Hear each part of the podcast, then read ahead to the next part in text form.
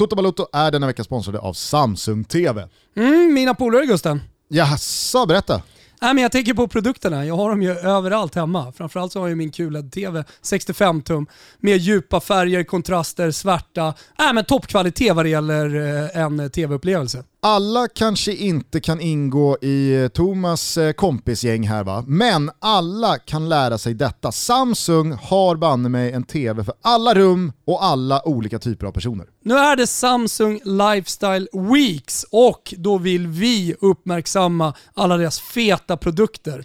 Kanske framförallt deras mest revolutionerande nyhet på tv-marknaden, nämligen The Terrace. Och det är ju ett namn som anspelar lite på platsen man kan konsumera den, nämligen en terrass eller en altan eller en veranda eller ett däck utomhus. Va? Våren är här, snart är sommaren här och det finns en jäkla massa fin fotboll att titta på.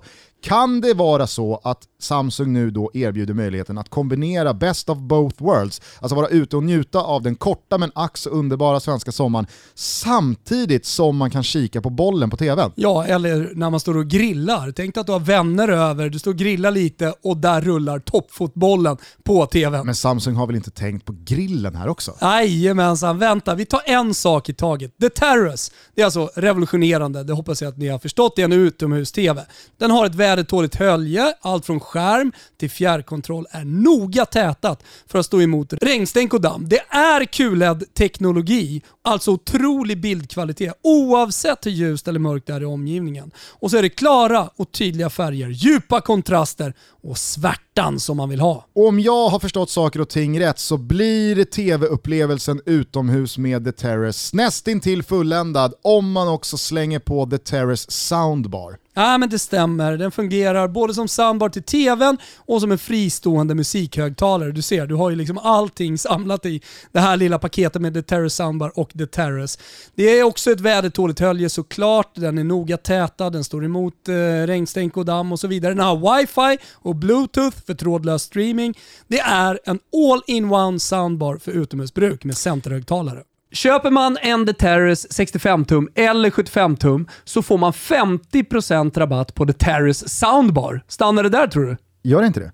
Nej, nej, nej, nej, nej. Man får en grill på köpet om man köper en The Terrace 65 tum eller 75 tum. Otroligt. Surfa ah. in på samsung.com se lifestyle för att läsa mer och hitta din återförsäljare för att ta del av det här erbjudandet. Det gäller från och med 26 april till och med den 23 maj 2021. Vi säger stort tack till Samsung TV för att ni är med och möjliggör Toto Balotto. Stort tack!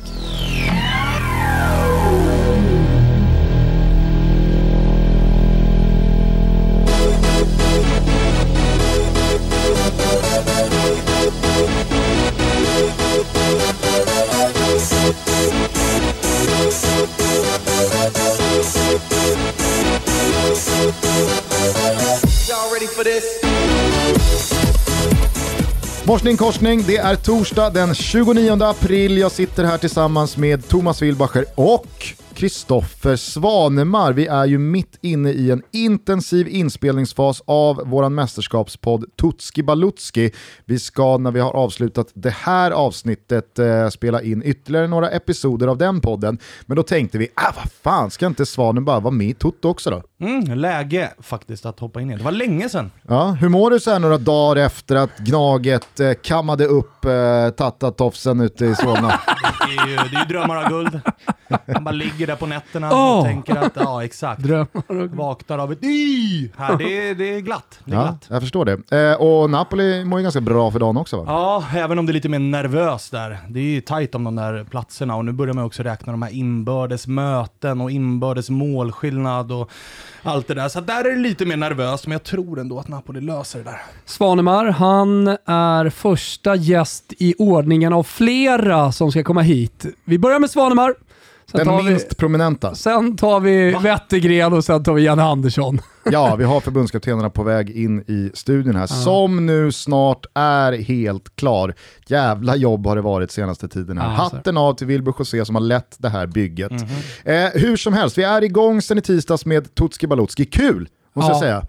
Tack för all fin respons också. Eh, man, man är alltid lite så nervös när man ska släppa något nytt. Jag har ju dessutom också gjort tipslördag. Man, man, det är mycket så här, jag kan tänka mig en författare som väntar på recensioner eller en tv-makare som ska skapa en tv-serie, en film liksom. Fan, jag har varit skitnervös på slutet på eh, liksom vad folk ska tycka om saker och ting. Och, ja, men jävligt glad och jävligt, jävligt tacksam i, djupt in i hjärtat för alla fina kommentarer om Tutski Balutski och för all del även om Tipslördag. Mm. Turkiet, Kroatien och så idag då, torsdag, kom Österrike. Burschen ut. Eh, vi rullar på varje vardag hela vägen fram till och med den 28 maj. Du och jag ska hålla i varsitt avsnitt här efter den här inspelningen. Du ska göra Nordmakedonien. Ja, och de är ju det roligaste att göra. Alltså då Kroatien, Portugal och sådana länder, de har man ju koll på. Alltså, ja. Varenda gubbe där kan man ju. Ja, man får vrida och vända lite ja, mer. Ja, och man får, när man sitter och går igenom truppen, det dyker alltid upp lite sköna lirare som man är så här, just det, där ja. var han ja. Så det, de nationerna är ju roligast. Ja, skitkul att vi är igång, jätteroligt att så många verkar haka på oss. Nu börjar EM-peppen rejält och nu går det väl dessutom att slå fast att Sveriges eh, gruppspelsmatcher kommer att inramas av eh, mest publik av alla spelplatser va?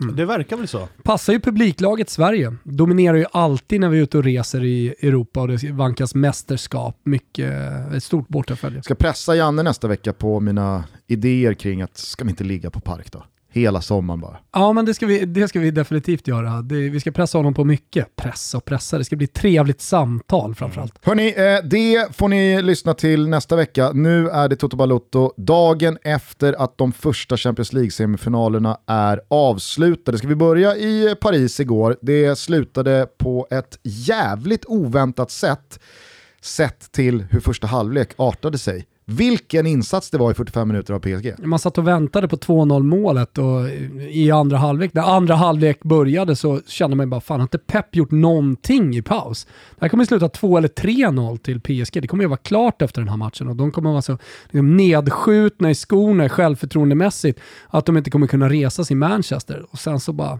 misstag av eh, Navas. Och det är det som är med eh, Champions League. Alltså, och med kupper generellt sett. Alltså, det räcker med ett jävla misstag så, det, så, så, kan det vara över. Det var ju roligt att eh, kvitteringen då, 1-1 målet från De Bruyne, var ett mål som gjordes av ingen anfallare. För det är ju det, så att, säga, att ingen är på plats där och rör den bollen är ju det som ställer Navas och leder till ja, ja. mål. Så det blev ju det blev någon sjuk jävla förlängning av Peps genialitet som bara han förstår. Att jag spelar utan anfallare och det är också ingen anfallare som kommer göra så, mål. Det såg man nästan på blicken på Pep när bollen gick in, ja. att det var så här pling! Ja, just det.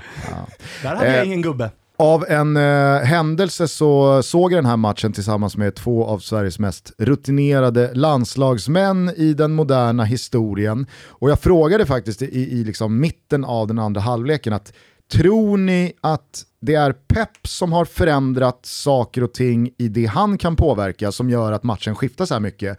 Eller är det PSG som kommer ut till andra halvlek med en helt annan inställning, matchplan och eh, ja, men, attityd till de återstående minuterna eftersom man då har ett resultat, man har möjligheten att spela av matchen snarare än att man då fortsätter på inslagen väg eh, som, som man eh, hade så stora framgångar med under den första halvleken. Och då, alltså det, det, var, det var så tydligt att båda de, äh, fan jag kan väl säga vilka det är, Kim Källström och Micke Lustig var det, jag såg den här matchen med. Eh, och då sa de att, nej men, det är nog inget dera, utan det är, det är så det blir när man som lag har gjort en jävla bra halvlek, skaffat sig ett resultat och så kommer man ut och så vet man fan, nu är det bara en halvlek kvar här tills ett riktigt tungt resultat kan landas. Vi möter också ett jävla bra lag. Så att omedvetet så bara blir det så att man drar tillbaka trupperna, man blir lite mer försiktiga, man går inte iväg och så svänger hela momentumet och så tappar man matchen och initiativet och så är det så jävla svårt att ta tillbaka. Mm. Ja, och det var ju det som blev tydligt efter 1-1 målet, att de kom ju aldrig tillbaka PSG. Alltså ingenting stämde. Samtidigt som City började fatta att ge, låt PSG lägga ut bollen på Florenzi och Backer som jag tycker är usel. Och så sätter man in pressen på dem, ingen av dem lyckas lösa det. Bollvinst på bollvinst på bollvinst och momentumet bara växer och växer och växer. Så att, att 2-1 målet kommer till City, det, där och då var man ju inte förvånad, men en halvtimme tidigare så såg man ju verkligen inte det hända. Nej, men, och det där tycker jag är så här, ett eh, mentalt problem för eh, eh PSG, att man inte klarar av att hantera den motgången att Nava släpper in målet. För det gör de inte. De klarar inte av att eh, psykologiskt resa sig efter det målet och jag tycker det är fan jävla anmärkningsvärt. Och om de åker ur på liksom 20 minuter av eh, mental kollaps, då får de fan skylla sig själva. Det röda kortet, så jävla hål i huvudet att göra det. Mm. Och fan, det är en Champions League-semifinal. Fan inte Varberg borta, vad håller du på med? Han är på väg alltså, att slå en, eh, liksom en väggpass på mittplan, ja, här, snett bakåt. In, innan City gör 1-1 eh, så har ju Mbappé bollen i straffområdet och har typ två gubbar mot sig, en tredje som typ ska pressa honom bakifrån. Och det är sån jävla lekstuga, man ser det är så lätt och man, inspelet kommer, jag tror att det är Marco Verratti som fläker sig fram, når inte riktigt dit. Alltså det, det är den matchbilden det är, det är självförtroende. De känns som att de bara ska äta upp City. Och sen att tappa det mentalt så jävligt som, eh, som PSG gör, D där är det någon slags grupppsykologs fel. Alltså Pochettino får ta, ta till sig det också. Ja. Någon ledare på planen får ta åt sig. Ansvar måste fucking tas i det där läget och det görs det inte. Det är ju där man ser saknaden av Thiago Silva. För att tittar man på centrallinjen så är det ju ledarlöst. Alltså Paredes, Verratti, Marquinhos alltså det är ju det är riktigt bra fotbollsspelare, men det är noll ledare. Mm. Noll spelare som tar tag i det. Marquinhos är väl ändå lite mer av en ledare än Paredes. Ja, lite mer ja, men inte, Orättvist inte good ihop enough. Dem Nej. Alltså inte Thiago Silva som verkligen kan stämma i bäcken när det börjar svänga åt fel håll. Är inte Thiago Silvas grej dock lite att just i de här matcherna då, då drar han upp axlarna och gömmer sig lite? Kanske, men alltså, det är bara att titta igår. Det är inte så att Marquinhos tar tag i det. Nej. Jag tycker inte det. Men jag tror inte heller du kommer hitta hundra gånger Thiago Silva har gjort det. I just sådana här matcher. Men vad fan, men, alltså, jag, jag, vill inte dissa Thiago. Silva. Nej, men jag ska säga det, jag satt ju liksom på fingrad på en Marquinhos-krönika, alltså någon slags kärleksförklaring till honom när han har gjort det där målet. Och så jävla spänstig och härlig, jag älskar att kolla på honom. Det är sällan man gör med backar, som gamla nästa tider. Nu jämför jag inte de två, men, men så mittbackar som är eleganta på något sätt. Och det tycker jag verkligen att eh, Marquinhos är. På ett annat sätt jämfört med Maldini nästa, men ni förstår nog vad jag menar. Det, det, han, han, har ett flöde i sitt spel som jag gillar. Och ja, tyvärr så, så kunde jag ju inte gå fullt alltså hela vägen in i kaklet med den tanken. Nej, Nej, men jag, jag, jag landar att liksom mitt bestående intryck är att PSG slarvar bort möjligheterna att bara trycka på i 20-25 minuter till, göra det där 2-0 målet kontrollera utfallet av den första semifinalen och, och, visa City att ni kan inte komma hit utan anfallare och tro att ni ska spela bort oss. Men när City får sin kvittering och PSG inte gaskar upp sig, vaknar och tar tag i initiativet igen, utan City får rinna in med tvåan också, ja, men då blir det ju då, då, då, hamnar ju matchen i ett läge där du inte kan slå Manchester City. För att då spelar det ingen roll att de inte har någon anfallare, för de behöver ju inte ens gå framåt i banan. De behöver inte ens spela någon slags vertikal fotboll. Och då kan du inte pressa Manchester City heller. Det, det, det reagerade jag på att både Micke och Kim sa att alltså, ska du ta bollen av Manchester City, då måste du pressa dem högt. För de har så bollskickliga spelare överallt på banan. Och när du dessutom ger dem möjligheten att de inte ens måste gå framåt mot ditt mål, mm. för då vet du i alla fall vart de ska ta ja, vägen. Utan de tillåts också spela i alla planens olika riktningar. Det går inte att ta bollen av dem. Nej, och det var dessutom, jag satt och tänkte på det i andra halvlek, att det måste vara som bugg i skallen hos PSGs fyrback. För att de, som du säger, det finns ingen anfallare. Det var nästan som att mittbackarna var så här, vart ska vi ta vägen? Vem ska vi hålla koll på? Det var som att mittbackarna stod högre upp än ytterbackarna ett tag, för att det vart när de spelar med, med KDB som släpande, som typ kommer ner och blir defensiv mittfältare när de har bollen. Ingen är centralt och försöker trycka ner mittbackarna, utan det vart en så konstig matchbild under den andra halvleken, men som ju uppenbarligen passar City mm. jävligt mycket bättre än vad det passar PSG. Ja, jag, jag, jag, jag, jag blev så provocerad av att spelbolagen hade rätt här. För att, jag, vet inte, jag vet inte vad ni kände, men när PSG tickade upp på 3,70, 3,80, alltså du och jag har ju pratat om PSG i den här matchen i en och en halv vecka nu. Ja. Att ja, men det, det måste vara så jävla felsatta odds här. Ett favoritskap på City, de startar alltså under två gånger pengarna. De tickade in på 1,97, 1,98, borta mot det här PSG. Och så kommer den första halvleken, Ja. och så sitter jag så jävla nöjd i soffan och bara så här Ja. att de här spelbolagen ändå tänker hur det här ska jag bli och är så var- snett på det. Ja, det är bara att sträcka upp handen. Ja, men jag satt ju och var styv i korken eh, på WhatsApp och sms och allt möjligt. eh, Jag har några polare som är, som är City-supportrar, eh, hängde lite med, med Basse igår, så här, messade honom. Och, och, och sen så fick man ju det rätt i plåten sen. Mm. Det är ju så. Alltså, och det, det gör ju, på ett sätt, så här, nu är jag ingen PSG-supporter, men det gör en ju lite irriterad. Det ska jag vara ärlig och erkänna. När man har stuckit ut hakan som jag har gjort liksom, och tror att PSG går och vinner hela Champions League, så ska, ska de gå ner sig på det där sättet. Och sen var man ju ruskigt nöjd när man såg Anders Ström på Twitter, två minuter innan avspark, trycka av att jag kliver in på PSG. Då kände man ju att nu sitter jag rätt i båten. Ja, ja, ja. Men ändå, så nej. Ja, han är sällan snett på det, Strömming. Nej men och, och, och jag tycker verkligen att eh, alltså alla som hade PSG-tankarna var ju inte snett på det. Sen så blir det full torsk och det är City som lämnar Paris Ja. med segern. Men det, det, det, det, det var inte vi som tänkte fel, utan PSG visar ju i första halvlek att ja, men här ska vi koppla ett sånt jävla grepp om det här avancemanget. Istället så, så, så ja, men de slarvar bort det, de, de pajar det, de vaskar det. Sen är de så här, blir de effektiva, för de är inte speciellt effektiva, får de en träff en match så kan de göra 3-4 mål på City också. Alltså, det, det är klart att dubbelmötet lever även om det, det, det, det, det stinker eh, City. Och sen ska man säga, alltså vilken jävla fotbollsmatch det är ändå. Alltså det är en ruggig jävla match. Ja. Alltså att det kan vända på det sättet, att ett lag som City kan se så dåliga ut i första halvlek, PSG ser så fruktansvärt bra ut, och sen att det bara svänger helt och hållet, och den nivån det håller. Nej, men, alltså, det är en otrolig match. Alltså nivån det håller, alltså det fantastiska att sitta och kolla på den här matchen är ju just den individuella nivån. Alltså du har Phil Foden i andra halvlek som liksom bara rinner igenom. Du har Neymar som är, ah, ja, ni vet att jag dör för honom. Eh, Mbappé stundtals ska sägas i den Han gör ju matchen. en svag ja, match, men- Jag vet, men samtidigt har du, du vet, du har den där aktionen med Stones och vem Mm. det nu är som tar, eh, typ Gündogan eller någon som tar så här andra press bakom honom och täcker upp liksom han kommer förbi och ändå så får Mbappé in bollen. Så eh, jag, jag håller med dig, det, det, det är långt ifrån hans bästa match, men, men det finns mång, så jävla många sköna individuella situationer i den här matchen som, som gör att man, man får gåshud. Och då är man ju neutral. Problemet är ju att man sitter där och har stuckit ut hakan och med ett spel, så man blir ju inte fullt ut eh, neutral. Tycker eh, Di Maria också visade ett par aktioner igår, alltså sin allra högsta höjd vad gäller att ta sig förbi sin spelare Ja, och slå ja. sin spelare och riktningsförändringar som liksom inte ska kunna gå. Nej. Man ser på försvararna så här, men du ska inte kunna ta Varför den ligger inte riktningsförändringen där? på den foten i det steget och få med dig bollen. Kontrollerat, det ska inte gå.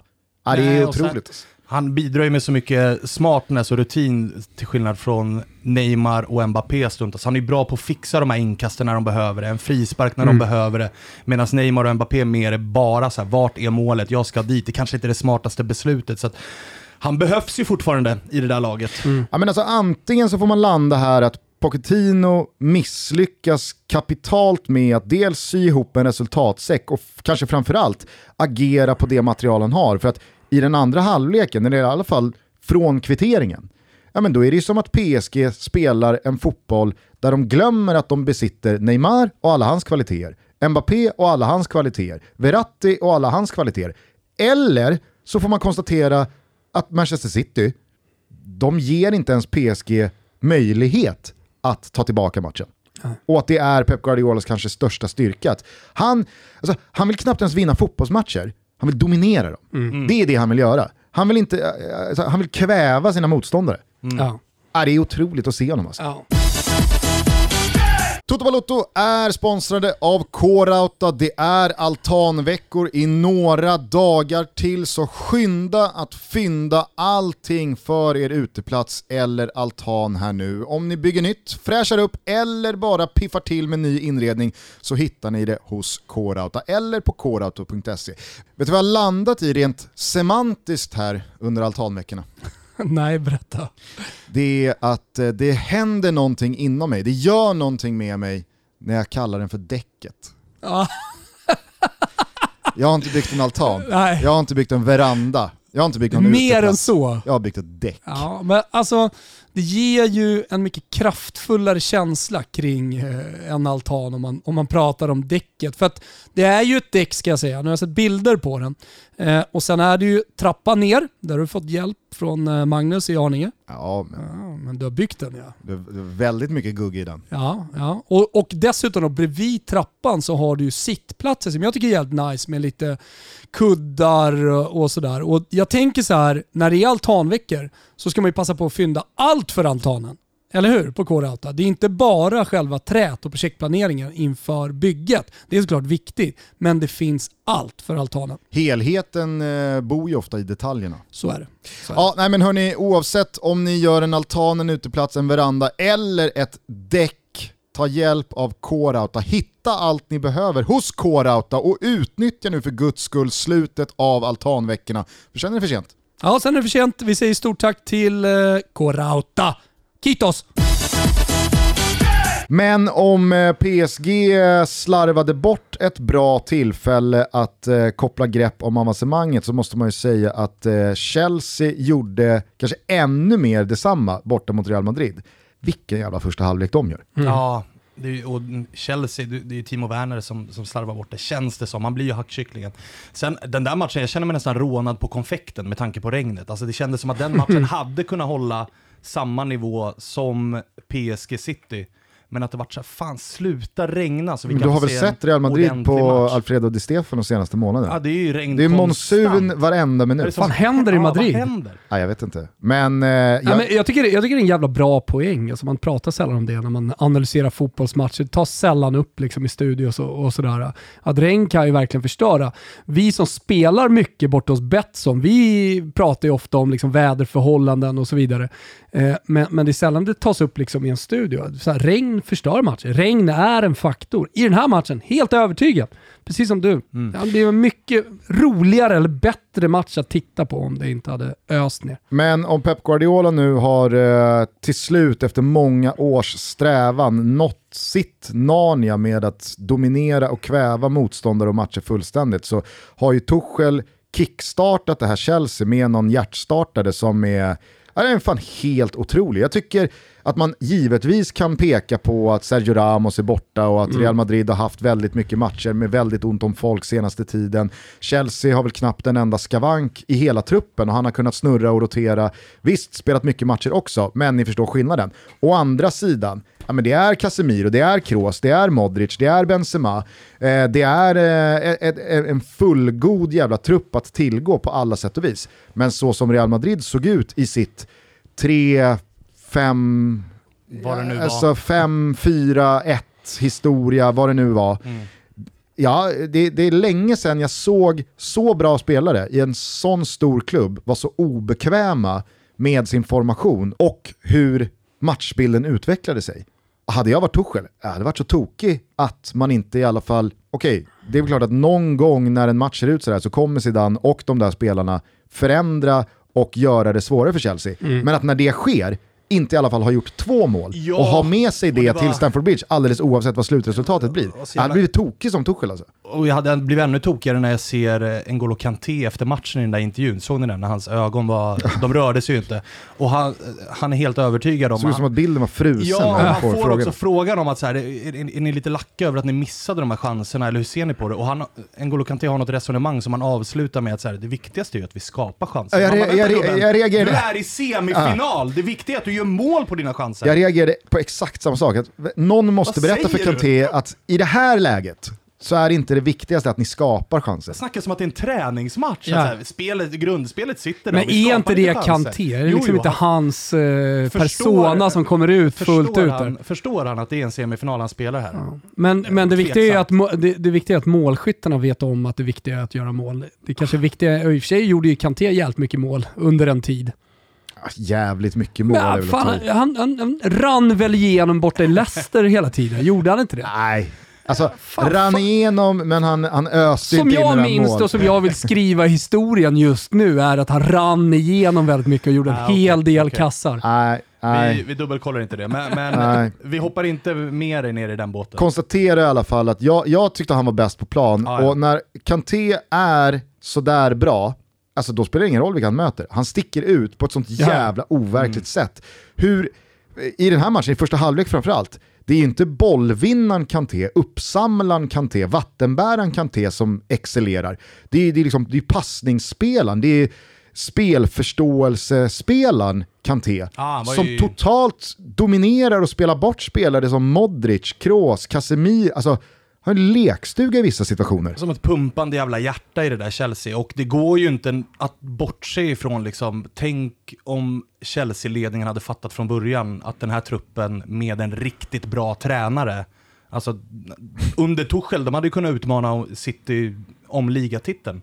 Nu är, har de gått långt i Champions League, oavsett om de åker eller inte här mot Real Madrid så kommer ju Tuchel ha räddat säsongen på sätt och vis, men alltså Inte bara räddat säsongen, alltså man har ju faktiskt ganska så bra läge att dels ta en Champions League-plats genom ligaspel, vilket får ses som en jävla bra prestation sett Oh ja. till läget de var i när Tuchel klev in. De är i fa Cup-final mot Leicester. Där får man ju ändå säga att det är ganska tydlig favorit på Absolut. Chelsea. Och så har de ett gynnsamt läge inför returen mot Real Madrid i Champions League-semifinalen. Så att det kan ju bli väldigt, väldigt mycket mer än bara en räddad säsong för Det Chelsea. kan det ju bli, men det jag menar är att så här, för, för innan Tuchel kom, då var det ju spe, alltså Chelsea-supportrar upplevde jag klagade ju på så här, vad är det för spelare vi har värvat? Vad är det här för gubbar? De är ju Mm. bluff allihopa.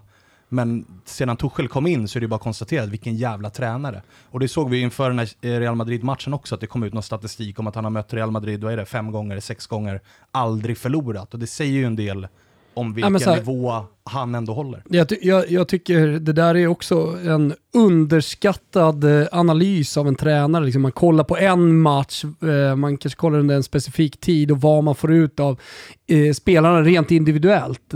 Alltså att verkligen maxa varje talang som man har i, i laget. Kolla på Milan till exempel. Samma sak där. Alla var ju mer eller mindre pissade på. Chalanoglu och hela vägen till eh, ja, eh, Benazer och eh, vad heter de här, Selemakers och allt vad det är. Eh, nu har inte de varit superbra på slutet, men de har ju kommit igång. Och det är ju såklart tack vare tränare också och tack vare omgivning, säkert tack vare en ledare som Zlatan eh, med. Ja, exakt, jag vill gå in där och säga emot dig. Ja. Jag, jag, jag, jag, såg matchen Pioli har noll. jag såg matchen mot Lazio här för några dagar sedan Ja. och kände, nej det är inte Pioli ja som... men de är det är tillbaka, det är Zlatan. Ja, Exakt, det är. Zlatan. Ja. Sen Zlatan klev in, började kräva saker, satte lite skräck i, i boysen att ni, ni måste hålla den här nivån, annars, annars går Vet, inte vad, det här. vet du vad som har hänt? Landslaget har förstört Zlatan. Han pratar bara om allting nu för tiden. Okej, han är skadad, men han levererar inte på planen. Det som har hänt med Zlatan, det är att han har blivit för mild. Nu, nu när han skrev, förut när han skrev att han var lejon och han var gud, då trodde jag på det. Det är fan gud där, det är ett lejon! Herregud!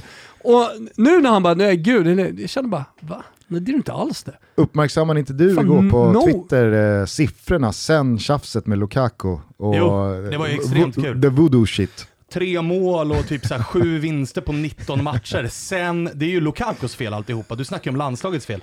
Lukaku svarade ju, "Do- go do your voodoo shit. Lukaku svarade sagt och gjort. Han la en liten voodoo Mm. men på Zlatan men jag vill minnas, jag vill minnas, på tal om historieskrivning här nu, jag vill minnas att Zlatan gjorde någonting bra direkt efter, sen blev han skadad, sen kom landslaget och sen kom skiten. Så du skyller på den där en timmes långa Ja. presskonferensen som Presskonferensen, tårar. milda, ödmjuka, nya Zlatan 2.0.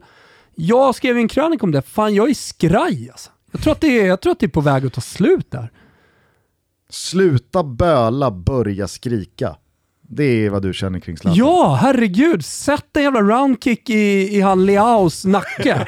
alltså då kan vi börja snacka Zlatan igen. Ja, Sätt men jag- den rätt i näsbenet på Leao. Jag, jag vill bara För återigen La, Leao behöver för övrigt också. jag vill Det understryka min tes här en gång till. Att sett till hur Milan har sett ut här senaste veckorna utan en skadad Zlatan, i det här läget när de håller på att, alltså jag menar ligatiteln, den försvann ju ganska länge sedan. Mhm. Men att Milan har haft ett bra jävla läge på att lösa en Champions League-plats, det har ju gällt och gäller ju givetvis fortfarande eftersom det är så tight som det är.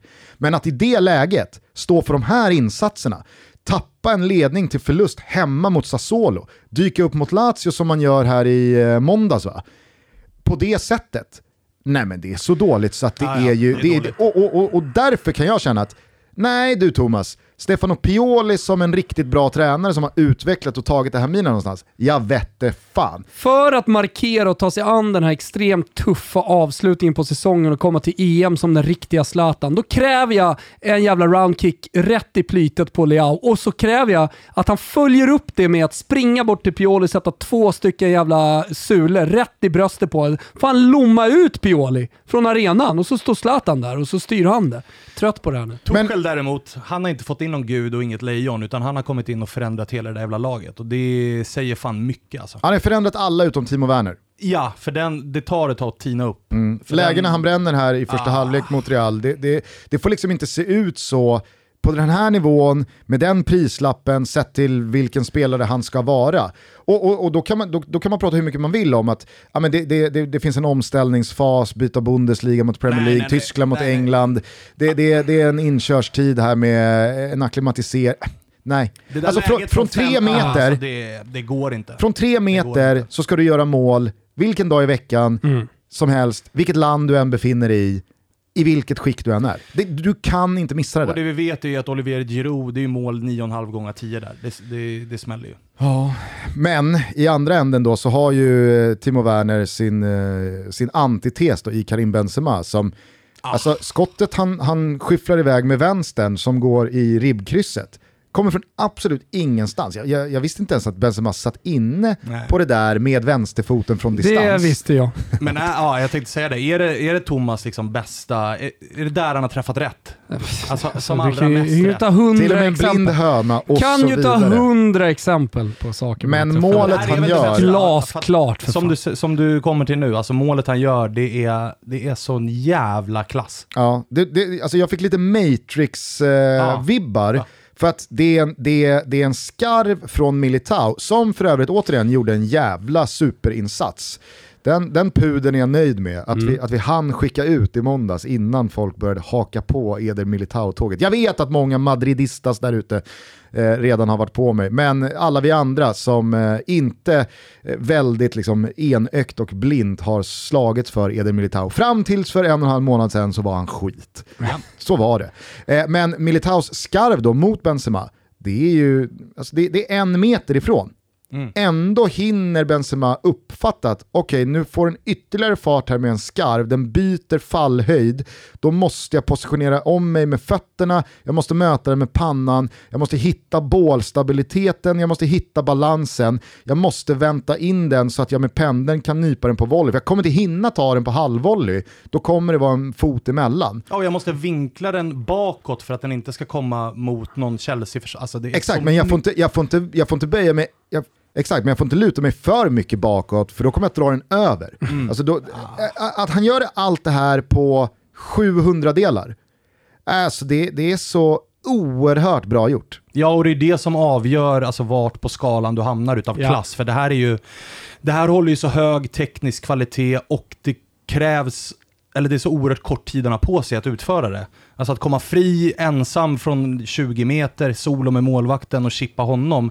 Det kan ju de flesta anfallare göra, men att den här typen av avslut, det blir inte svårare. Nej, och jag tror inte heller att det här målet kommer eka i vare sig fotbollshistorien eller Benzema-historien som något av det vackraste eller snyggaste eller bästa mål han har gjort. Men det tycker jag att det ska göra. Jag tycker dessutom att det finns en större mening att lyfta fram i det här målet, att han har varit spelaren som har klivit fram och steppat upp och, och levererat betydligt bättre siffror sen Ronaldo försvann. Men jag tycker den här insatsen och den här våren och kanske den här säsongen i stort också har understrukit Benzemas ja, men, utveckling i hans ledarskap. Att han, han leder det här Real Madrid. Sen kan man prata hur mycket man vill om det där mittfältet med, med trion Kroos, Modric, Casemiro och Sergio Ramos som eh, MVP och mittbacken som tog tillbaka ligatiteln och Courtois har gjort en fantastisk säsong och Ferland Mandy har utvecklats och, och tagit vänsterbacksplatsen till sin och så vidare. Men alltså ledarmässigt, nej, nu tycker jag att Benzema på riktigt har tagit ytterligare, kanske också det sista klivet. Ja, och dessutom så går det väl att argumentera för att han är hyfsat ensam om att, alltså Courtois, Sergio Ramos, Casemiro, de hjälper ju varandra. Det är defensiva spelare. Tittar man vad Benzema har runt sig så är det ju faktiskt inte, alltså det är, det är inte längre Ronaldo. Bale säger vad man vill om honom, men han har dragit. Eden Hazard är bara skadad han får ju bära den där offensiven. Asensio, Rodrigo, Vinicius Ja, Junior, alltså, det är inga, Nej. det, det är inga får- spelare som levererar toppkvalitetinsatser över fyra månaders perioder. Nej, så att han får ju bära offensiven väldigt, väldigt ensam. Till skillnad från vad de defensiva spelarna får göra. Där, där de får hjälp av varandra. Så att det, det, det talar ju ännu mer för, för eh, ditt case här. Får jag bara säga en sak om gårdagen som jag tycker vi glömmer bort lite? Jag tycker att Mares är bäst av alla i City.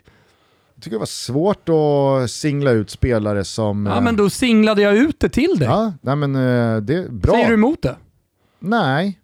Men å andra Svanus? sidan, alltså, säg, säg att den där muren gör sitt jobb. Jag tyckte det var kul, eh, kul formulerad tweet av det igår kväll. 2021 är inte murens år. Ja men det är ju inte det. Och då refererar du ju såklart väldigt mycket då till Juventus-muren i slutet av eh, åttondelsfinalen mot eh, Porto i Turin, när en frispark utifrån letar sig igenom kanske den sämsta muren i den moderna fotbollshistorien. Ja, och sen igår då- Anders Svenssons eh, frispark när de satte handväskor på eh, Argentina-spelarna. Den var väl i alla fall tät?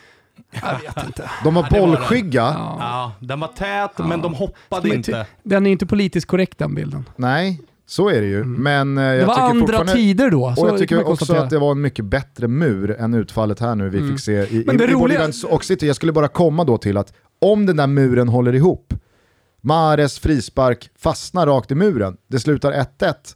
Äh, Pratar man om Mares som bäst på plan, alltså det, det blir ju väldigt mycket hans mål som definierar kanske hans slutbetyg och det är ett mål som snarare ska landa på pojkmisstag Ja, än för det ska ju sägas Mares att det är, en, kvalitet. det är en dålig frispark. Ja, den går ju, Den alltså, drar rätt i muren. ja. Dålig hit och dålig dit. Men angående murens år 2021 så trodde ju 2021, när 2021 började och när 2021 var ung, så trodde ju 2021 att det här, det här blir murens år. För det, det här är året när alla lag fullt ut implementerar den liggande spelaren. Eh, eller hur? Nej men så här, fan vad vi är balla och vad Ja, ja. vi kan och vi har minsann tänkt till. Testa skjut under då, för där ligger Quadrado. Nej, men då måste ju resten av gänget också faktiskt eh, hålla ihop. Hela grejen med muren är att den ska hoppa rakt upp, samlad Om den som ska hoppa. en mur. Jo men det är därför du lägger den under. Den ska hoppa så att du inte kan skruva över. Det, det, det är hela grejen. Det var hela grejen med att 2021 skulle bli murens år. Mm. Men istället så blev det det här resultatet. Det är sorgligt att se. Ja, men just det här vedträt numera alla lägger eh, på, på marken bakom muren. Alltså, jag, jag kan tycka också att det finns en jävla rolig distinktion mellan de som gör det med en spelare som då i alla fall tittar framåt i banan och ser vad som händer och de som väljer att lägga sig med ryggen Mm. Ja. mot, som då följer, som följer målet och ser vart kommer, vart kommer Det var, ju, bollen. och det var ju roligt igår att se Verrattis min när han först ligger och liksom spänner skinkorna och tänker att bara den inte går rakt i ryggen här. Ja. Och Som sen man bara ser han bara bollen gå in och man ser blicken bli helt tom. Och, För jag tänker också att de som lägger sig med ryggen mot, de hinner ju inte uppfatta förrän kanske en sekund för sent ifall det blir en variant med en passning som sätter igång spelet och någon går ner mot kortlinjen och ska spelas snett inåt bakåt. Då ligger ju fortfarande den spelaren Ska, ska jag resa på mig nu eller? Ska, ska jag upp och delta här eller, eller gör jag bort mig då? och det är Nej, inte så att det är en respektingivande uppgift redan på förhand. Då skulle det komma en variant då, så är det inte, alltså, du blir inte coolare som spelare att ligga där. 2021 är sannoliken inte murens år. Men bara för att avsluta då Real Madrid mot Chelsea. 1-1 stod det på slutresultatet när slutsignalen göd. Returen på Stamford Bridge känns i min bok helt öppen. Ja, Alltså det känns så mycket 50-50 det bara kan vara. verkligen. Och då väger jag i synnerhet in att väldigt mycket talar för att Sergio Ramos kommer tillbaka. Alltså med Militao och den formen han spelar, kanske att det är Varann som får flytta på sig här. Mm. Ja, det är möjligt. Varann som ju ryktas bort också, så det, det kan ju absolut vara aktuellt. Och det blir intressant att se vilka som tar kommando till den matchen. Alltså vilka kommer vara spelförande i matchen? Vilka vill ligga på kontring? Ja. Det, det, är, det är svårt att sia om matchbild här. Och även i eh, alltså returen i eh, Manchester. Att PSG, City vill ju ha bollen, men vill de ha PSG på kontringarna? Mm. Svårt att säga om matchbild och vad de båda lagen föredrar. Det man i alla fall kan konstatera det är ju att det, det, det är mega favorit på City-avancemang. Ja, såklart. I och med såklart. att PSG måste göra minst två mål. Såklart att det är det. Och det, det, det, det, finns lättare uppgifter den här säsongen än att åka till Etihad mm. och, och, och, göra två bollar på Manchester City. Oavsett vad, kan det stämma det här som du och Kviborg eh, noterade igår? med att Marcello alltså randomly har blivit utvald att då delta som personal i något val i Madrid. Han ska stå med någon gul väst och leda folk ja, det... till urner och se till så att avstånd hålls i kön och så vidare. Det verkar så. Det är ett trovärdigt konto det här som var väldigt aktivt under det här Superliga. Alltså, så här, det är ju rimligt. Och, och skickade ut också. Liksom. Ja, ja. ja, men det är rimligt eh, att Madrid eh, gör på det sättet, att man liksom, eh, slumpmässigt väljer ut folk för att stå och, alltså däremot... I Sverige tänker jag att det är volontärer. Ja. Eller hur? Ja, det finns ju de som känner att man ja. har det kallet i sig. Ja, man har det kallet i sig. Det är väl ofta folk som är politiskt engagerade. Nej, det är det inte alls det. Jo, kanske Kvas. Jag vet att vet, Mopetto, vet de, är, de, de är demokratiskt engagerade. De är demokratiskt, ja det är precis så det är. De är demokratiskt engagerade. De värnar demokratin ja, snarare än det partipolitiska. Exakt. Eh, Mopetto, min polare, vet jag. Simon Grenhed, gammal anfallare i Rönningesson fotboll, satt ofta också i vallokalerna. Men det kan ju liksom inte, det, det kan ju inte bli av. Nej men alltså de första rapporterna säger ju att Real Madrid har lämnat in, liksom, de har ansökt om dispens här, men att den har blivit avslagen. Att säga, nej, att åka och spela fotboll, det är ingen jävla dispens, utan du ska göra din medborgerliga plikt. Där, där kommer ju Perez sätta ner foten vad det lider. Ja, alltså hans maktposition ifrågasätts ju kraftigt om inte det här kan lösas. ja, alltså, verkligen. Vad fan har hänt efter Superliga? Skapa en jävla superliga för en vecka sedan och nu lyckas han inte ens lösa Marcello från ah, den här lilla uppgiften. Trodde du hade lite mer motor under huvudet än vad du faktiskt verkar ha. Å andra sidan kommer bara Ferland Mendy tillbaka från sin vadskada här till helgen och är fit for fight så är det ju inget negativt Nej, sett till hur Marcello ju... såg ut mot Chelsea man... ifall han måste stå i en vallokal på, på onsdag. Och kollade man på svaren på den tweeten så var det ju en del Real Madrid-supportrar som var så här, det här har Perez snarare bestämt. Exakt, han kanske har megamotorn under huvudet. Ja. Väljer ni ut Marcello till att eh, sköta röstningen här i vallokalerna på onsdag? Ja, det, det, är ju, det är i alla fall en påminnelse om att fotbollsspelare också är medborgare och människor. Vi är sponsrade av våra vänner på Betsson. Vi tyckte att vi förtjänade bättre i helgen, men äh, det är bara att konstatera att jakten på den än så länge ouppnåeliga påken går vidare. Och då måste man ju börja med en rättad trippel och det ska vi göra till helgen. Vi gör ett nytt försök med Liverpool. Ja, ja, säsongen är lång höll jag på att säga. Det är väl eh, fyra omgångar kvar om man ser på den totala liksom, klubblagssäsongen så är det fyra helger med eh, Premier League och så vidare. Och sen så kommer ju 29 maj Champions League-finalen. 29 maj! Mm.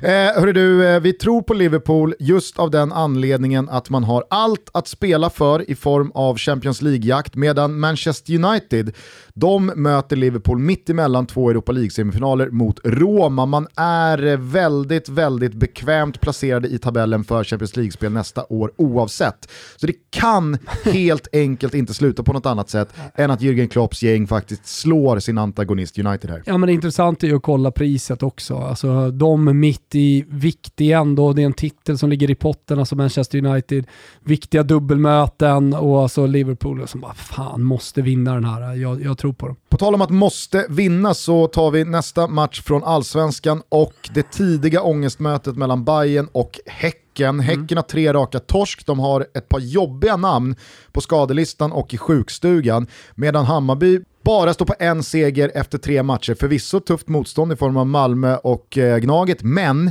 Alltså Hammarby har ju tänkt att vara med i toppen. De kan inte hålla på att tappa fler jo, poäng nu i starten. Nej, det kan de inte. Sen så här, en sak är vad, vad, man tänker och en sak är ju att ha förmåga att göra, men jag förstår vad du menar. Det är klart att det är spänt läge, det är ett jävla ångestmöte. Och då vill man ju komma in i en sån match med full trupp, med sina nyckelspelare redo. Och det gör ju definitivt inte Häcken va? Exakt, och så som de har sett ut här i inledningen så tror inte vi att de åker upp till huvudstaden och tar några poäng av Bayern som måste studsa tillbaka här efter derbytorsken. Jag tror att Astrid Selmani är ruskigt sugen på att spräcka sin Återigen, målnolla. sugen, hur är det med förmågan? Ja men vi tror jag på det. Ja, alltså vi, jag tror jättemycket på det här spelet, men däremot så tror jag mer på Amo och Ludvigsson, att det ska hända någonting från någon av kanterna. Bayern rak seger är i alla fall spelet, så får precis vem som helst lösa det åt oss. eh, sista benet i den här trippen, det är över 2,5 mål i Neapel mellan Napoli och Cagliari. Ja, på tal om ångestmöten, det är inte så mycket ångestmöten, men det är ett Napoli i dunderslag. Ett Cagliari som har vaknat till liv äntligen och börjar rada upp segrar och så ska de helt plötsligt möta varandra när de är i så här bra form så en ska torska. Det kan bli oavgjort här, för vårt spel spelar i alla fall ingen roll. Jag är helt övertygad om att det blir öppet. Alltså, Napoli kommer pressa satan, Cagliari kommer ställa om med Jao Pedro och, och ligan, så det, det, blir chansrikt och eh, vi spelar över i den här matchen. Rak seger Liverpool, rak seger Hammarby och över 2,5 mål i matchen mellan Napoli och Cagliari är trippen ni hittar den som alltid under godbitar och boostade odds. Ni behöver vara 18 år fyllda för att få vara med och rygga den och så finns stödlinjen.se öppen dygnet runt för dig eller er som känner att ni har lite problem med spel. Vi säger stort tack till Betsson för att ni är med och möjliggör Toto Balotto. Dankeschön. Jag fick också en påminnelse här idag om att eh, Serie B lever. Åh fan. Ah, ja, Frodas gör eh, Serie B också. Men det gör den väl året runt? Ja men det är ju fyra, ja jo visst, men man får ju små påminnelser hela tiden om att Serie B är Serie B. Av en anledning, höll jag på att säga. Kadettserien eh, i Italien, eh, ni har ju hört oss prata om den ibland och så undrar man vad fan ska vi surra om den igen då? Jo men det är ju slutstrid, fyra omgångar kvar. Mm. Är det spännande? Äh, det är väl lite skitsamma. Det är väl Empoli Lecce där i toppen, Salernitana precis bakom och sen stundar ett kval. Exakt, och det, det var det jag skulle flika in. Alltså, allt är ju relativt när du säger Mm. slutstrid. Ja. Det, alltså, det brukar väl avgöras i månadsskiftet juni-juli. Ja, nej, men exakt. Det, det är en del kvar, men det gäller ju att hänga i här, eller hur? Det är ju då eh, sex lag som går till det här slutspelet. Det är viktigt här nu. Vad gör då Monza-spelarna på fjärde plats? Monza har vi ju koll på, det är Balotellis lag. Mm. Ja, efter träningen i måndag så var det lätt och ledig stämning och det var glatt eh, i gänget och man kommer gå till det här playoffet. Man har väl eventuellt lite matematiskt häng också för all del på, eh, på Lecce där uppe i toppen som kan klappa igenom. Viktiga jävla tider! Men det är glad stämning i Monza-gänget. Då åker åtta spelare till Lugano i Schweiz och kör lite casino. Avstängda. ah, men det, problemet är att du, alltså, du får ju åka till Schweiz om det är så att du vill arbeta, eller om du arbetar. Eh, och har speciella anledningar. Till exempel fotbollsspelare får ju åka utomlands utan att sitta i karantän när de kommer tillbaka. Eh, men du får ju fan inte åka till Lugano och, och spela casino. Så nu sitter ju åtta spelare i karantän inför den här avslutningen. Och det skulle också kunna bli tio dagar. Så att det blir två matcher de här åtta viktiga spelarna. Boateng bland annat eh, Och kan missa. värt att flika in här är väl att det inte bara är Balotellis lag, utan även Berlusconi och Gallianis lag. Ja. Så att det, är ju, det är ju vad det är. Ja, men det är ju otroligt. Alltså. Men, det, är så, eh, det, är så, det är så glatt som man dammar över till Schweiz vi- lite kasino. Och det vi vet också angående den där toppstriden, det är att Salernitana kommer ju se till så att det chokas i och med att det är Lotitos lag och man får ju inte äga han, Två då- lag i två lag och han vill ju gärna ha kvar Salernitana. Det är ju en bra kassako. Ja. Så att eh, Salernitana kommer inte lösa det. Nej, nej, eh, Måsens gamla gäng. Hur som helst, otroligt. Vad sätter du för odds på att eh, Balotelli är en av de åtta? Eh, ganska, ja, alltså, jag vet fan inte vad jag har Balotelli idag. Jag vet inte det. Så att eh, jag sätter två gånger pengarna. 1,95 så tar du lite rake. En, en, en, Så att du vinner oavsett Ja, sida. ja, ja. Ja, ja, ja, härligt att eh, Serie B lever. Serie B lever och frodas och att spelarna där också bara är eh, puckade medborgare och människor. Ni har givetvis följt eh, Daniel Eks ambitioner här i dagarna att faktiskt eh, göra allvar av eh, det som eh, jag i alla fall tolkade som någon slags svallvåg av att eh, supporterna vill säga sitt eh, i, i, i eh, Super League-kaoset när då han skickade ut på Twitter att eh, om det nu skulle bli ett ägarskifte i Arsenal så hade jag gärna slängt in hatten i ringen och, och, och eh, velat ta diskussionen i alla fall. To answer your question, I'm very serious. Um, you know, um, I have secured the funds for it, and I want to um, bring a what I think is a very compelling offer to the owners, and I hope they hear me out. Nu har ju han gått vidare och då pratar vi alltså om Daniel Ek, Spotifys grundare och vd och, och multimiljardär som eh, igår i amerikansk tv verkligen var konkret med sina ambitioner och att eh, han gärna vill sätta sig ner med Cronky och diskutera då ett eventuellt övertagande.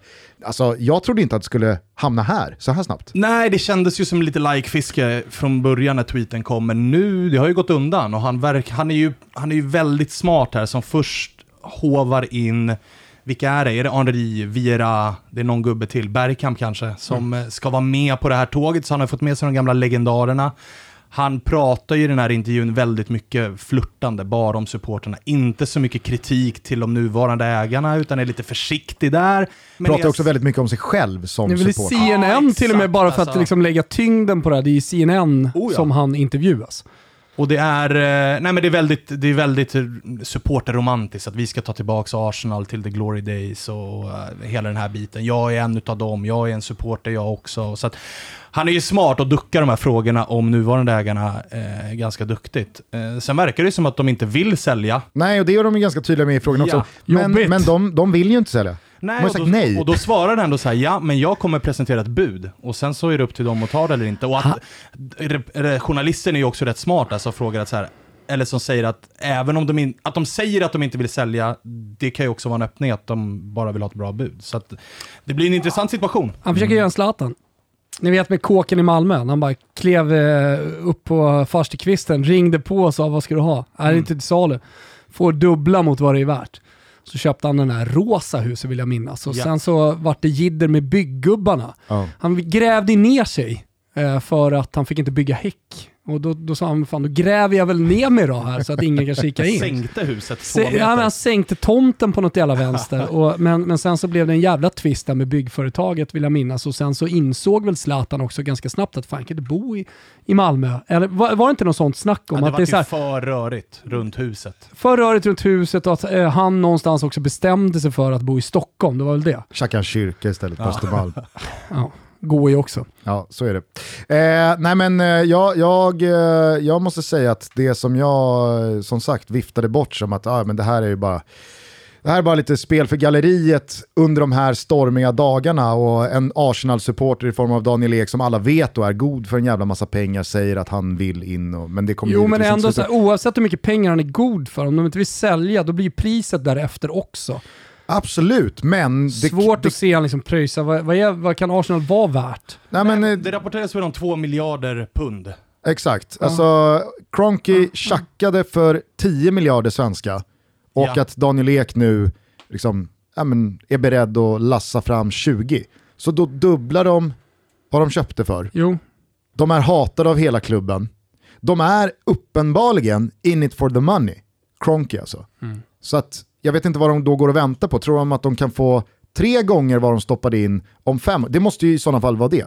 För att de verkar inte tycka det är så kul att driva Arsenal som Nej, fotbollsförening. de har ju dessutom fler eh, klubbar i USA. Det är väl något baseball och något hockey eller Ja, nej, det men- är. Så det, det verkar inte vara så här, de brinner ju inte för just det här projektet, utan det är bara ett av många. Att, Alla hatar dem, Ja, det går det- dåligt, de verkar uppenbarligen inte tycka det är så jävla kul, ingen är, liksom, ingen, ingen, ingen är på plats, ingen visar facet, ing, ingen, liksom, ingen driver ju Arsenal med någon slags tåga och ambition om att vi ska tillbaka till the glory days.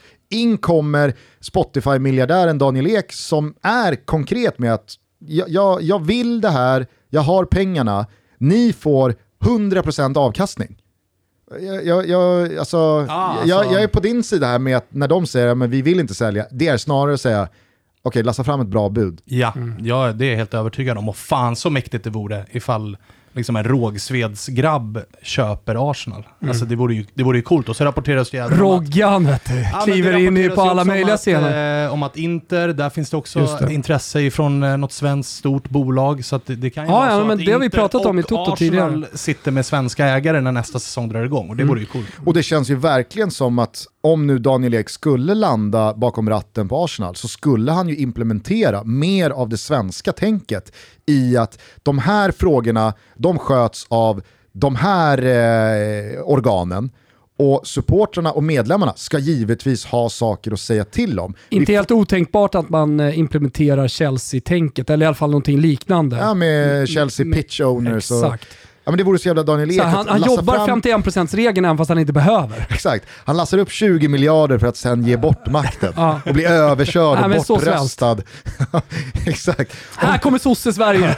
Om åtta år så är det ju någon liksom lokalhjälte med djupa fickor från norra London som då knuffar bort Daniel Ek. Jaha, men, ja, men det var det här du ville Daniel. Ja. Du, du ville ju få liksom föreningsdemokrati och supportermakt. Miss- Det är precis det. Vi vill, inte, vi vill inte ha någon jävla svensk här. Vi, vi vill ha, vi vill ha en, eh, en Londonbo som är Arsenal through and through. Inte någon gubbe från Rågsved. Tillsammans med Majblomman så har vi startat insamlingen Totoblomman. Varför då undrar ni? Jo, det är så här. Under pandemin har många barn förlorat chansen till aktivitet. Det vet jag. Jag har barn själv och de har vänner. Och Det här betyder att man har eh, kanske förlorat möjligheten till en trygg fritid och chansen att drömma stort. Och Det kan vara påfrestande för alla barnfamiljer där vuxna i familjen har varit igenom en kris på jobbet, eh, kanske till och med blivit av med jobbet. Och i Sverige tycker vi, tycker Majblomman, att alla barn ska få det de har rätt till. Barn ska kunna få nya glasögon, äta glass med sina vänner eller köpa nya fotbollspjuck utan att känna oro eller ångest. Och Majblomman har sedan 114 år tillbaka kunnat ge barn i Sverige vad de har rätt till. Detta kan bara ske om vi gör det tillsammans. Så vi har satt igång en insamling som heter Totoblomman, där du nu kan donera valfritt belopp till Majblomman och se till att alla barn i Sverige får vad just de förtjänar. Och jag befinner mig i den här situationen, pandemin, många barn slutar att eh, idrotta, många barn känner hopplöshet. Det är extremt viktigt att vi hjälper alla barn i det här landet. Så den större delen av Majblommans pengar går nu oavkortat till fotbollsskor och fotbollsavgifter därför att det är viktigt att vi som fotbollsintresserade är med och bidrar så att fler kan spela sporten. Men inte bara spela sporten utan också föda sporten, ta den vidare in i framtiden, ner i nästa och nästa och nästa generation. Det är inte alla som har råd med läger, dyra fotbollsdojor eller klubbavgifter. Nu mer än någonsin så kämpar familjer med det allra nödvändigaste så att fotbollsdrömmarna för deras barn kanske behöver sättas åt sidan. Hur kan man då hjälpa till? Jo, du kan swisha eller dela vår insamling, båda gärna. Tagga Toto Balutto och hashtag Totoblomman i dina delningar så kan vi visa vad vi kan göra tillsammans. Nu gör vi den här insamlingen Gusten, nu jäklar ska vi nå nya höjder, eller hur? Verkligen. Gå in på våra sociala medier, besök totobalotto.se. Där kommer ni att kunna se hur ni gör, vart ni swishar för att vara med i den här insamlingen. Se till att göra det och eh, hjälp eh, Majblomman eh, och i det här fallet då Totoblomman så att det flyger. Ni hittar länken till den här insamlingen i vår bio på Instagram eller under samarbetsdelen på totobalotto.se.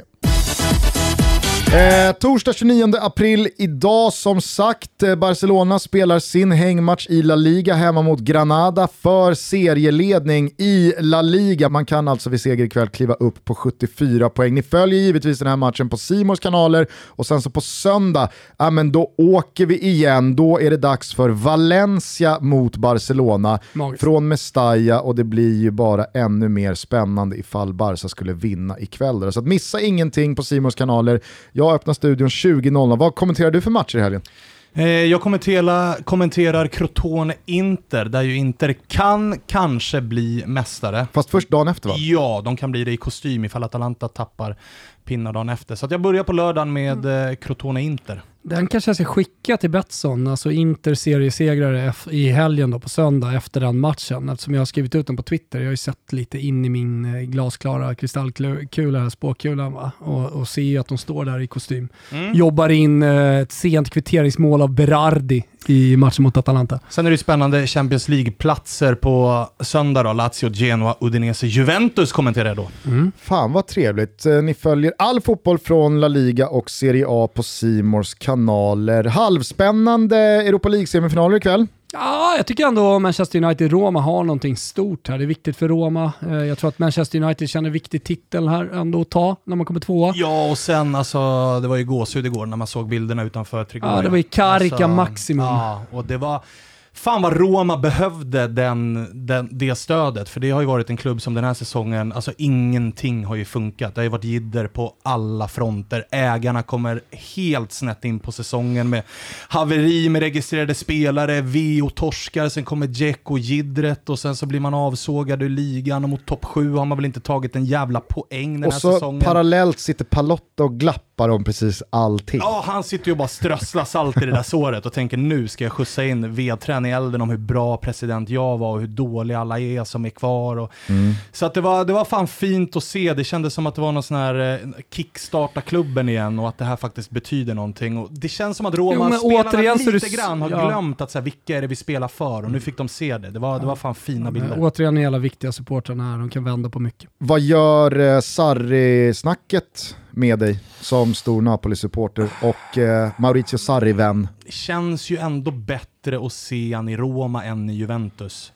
Eh, och tyvärr så, kommer Nåja. det, tyvärr så kommer det ju bli en match made in heaven, för att det är en spelartrupp som passar Sarri otroligt bra. Så det, Jag tror att det kommer bli ett jävla lyft ifall det sker, även om det såklart gör ont i mig att se honom på andra platser än i Neapel.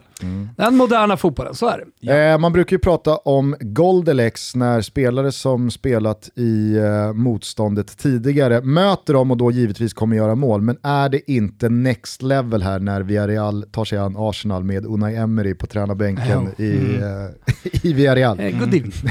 Eh, good evening! Eh. Good evening. Good evening. Good evening. Good evening. Good evening. Good evening. Good evening. uh, Good evening. uh, Good evening. Good evening. Good evening. Right, what did you make of VAR today? Strange decision. Good evening. Good evening. Good evening. Good evening. Good evening. Good evening. uh, Good evening. Good evening. Good evening. Yeah. Good evening. uh, Yeah. Good evening. Good evening. Good evening. Good evening. Good evening. Good evening. Good evening. Good evening. Good evening. Good evening. Good evening. Nej, jag tror att, jag tror att eh, Unai Emery har aldrig varit mer laddad på en match Nej, än vad han är ikväll. Icke. Som Gerard Moreno och gänget ska ta Arsenal till eh, skolan.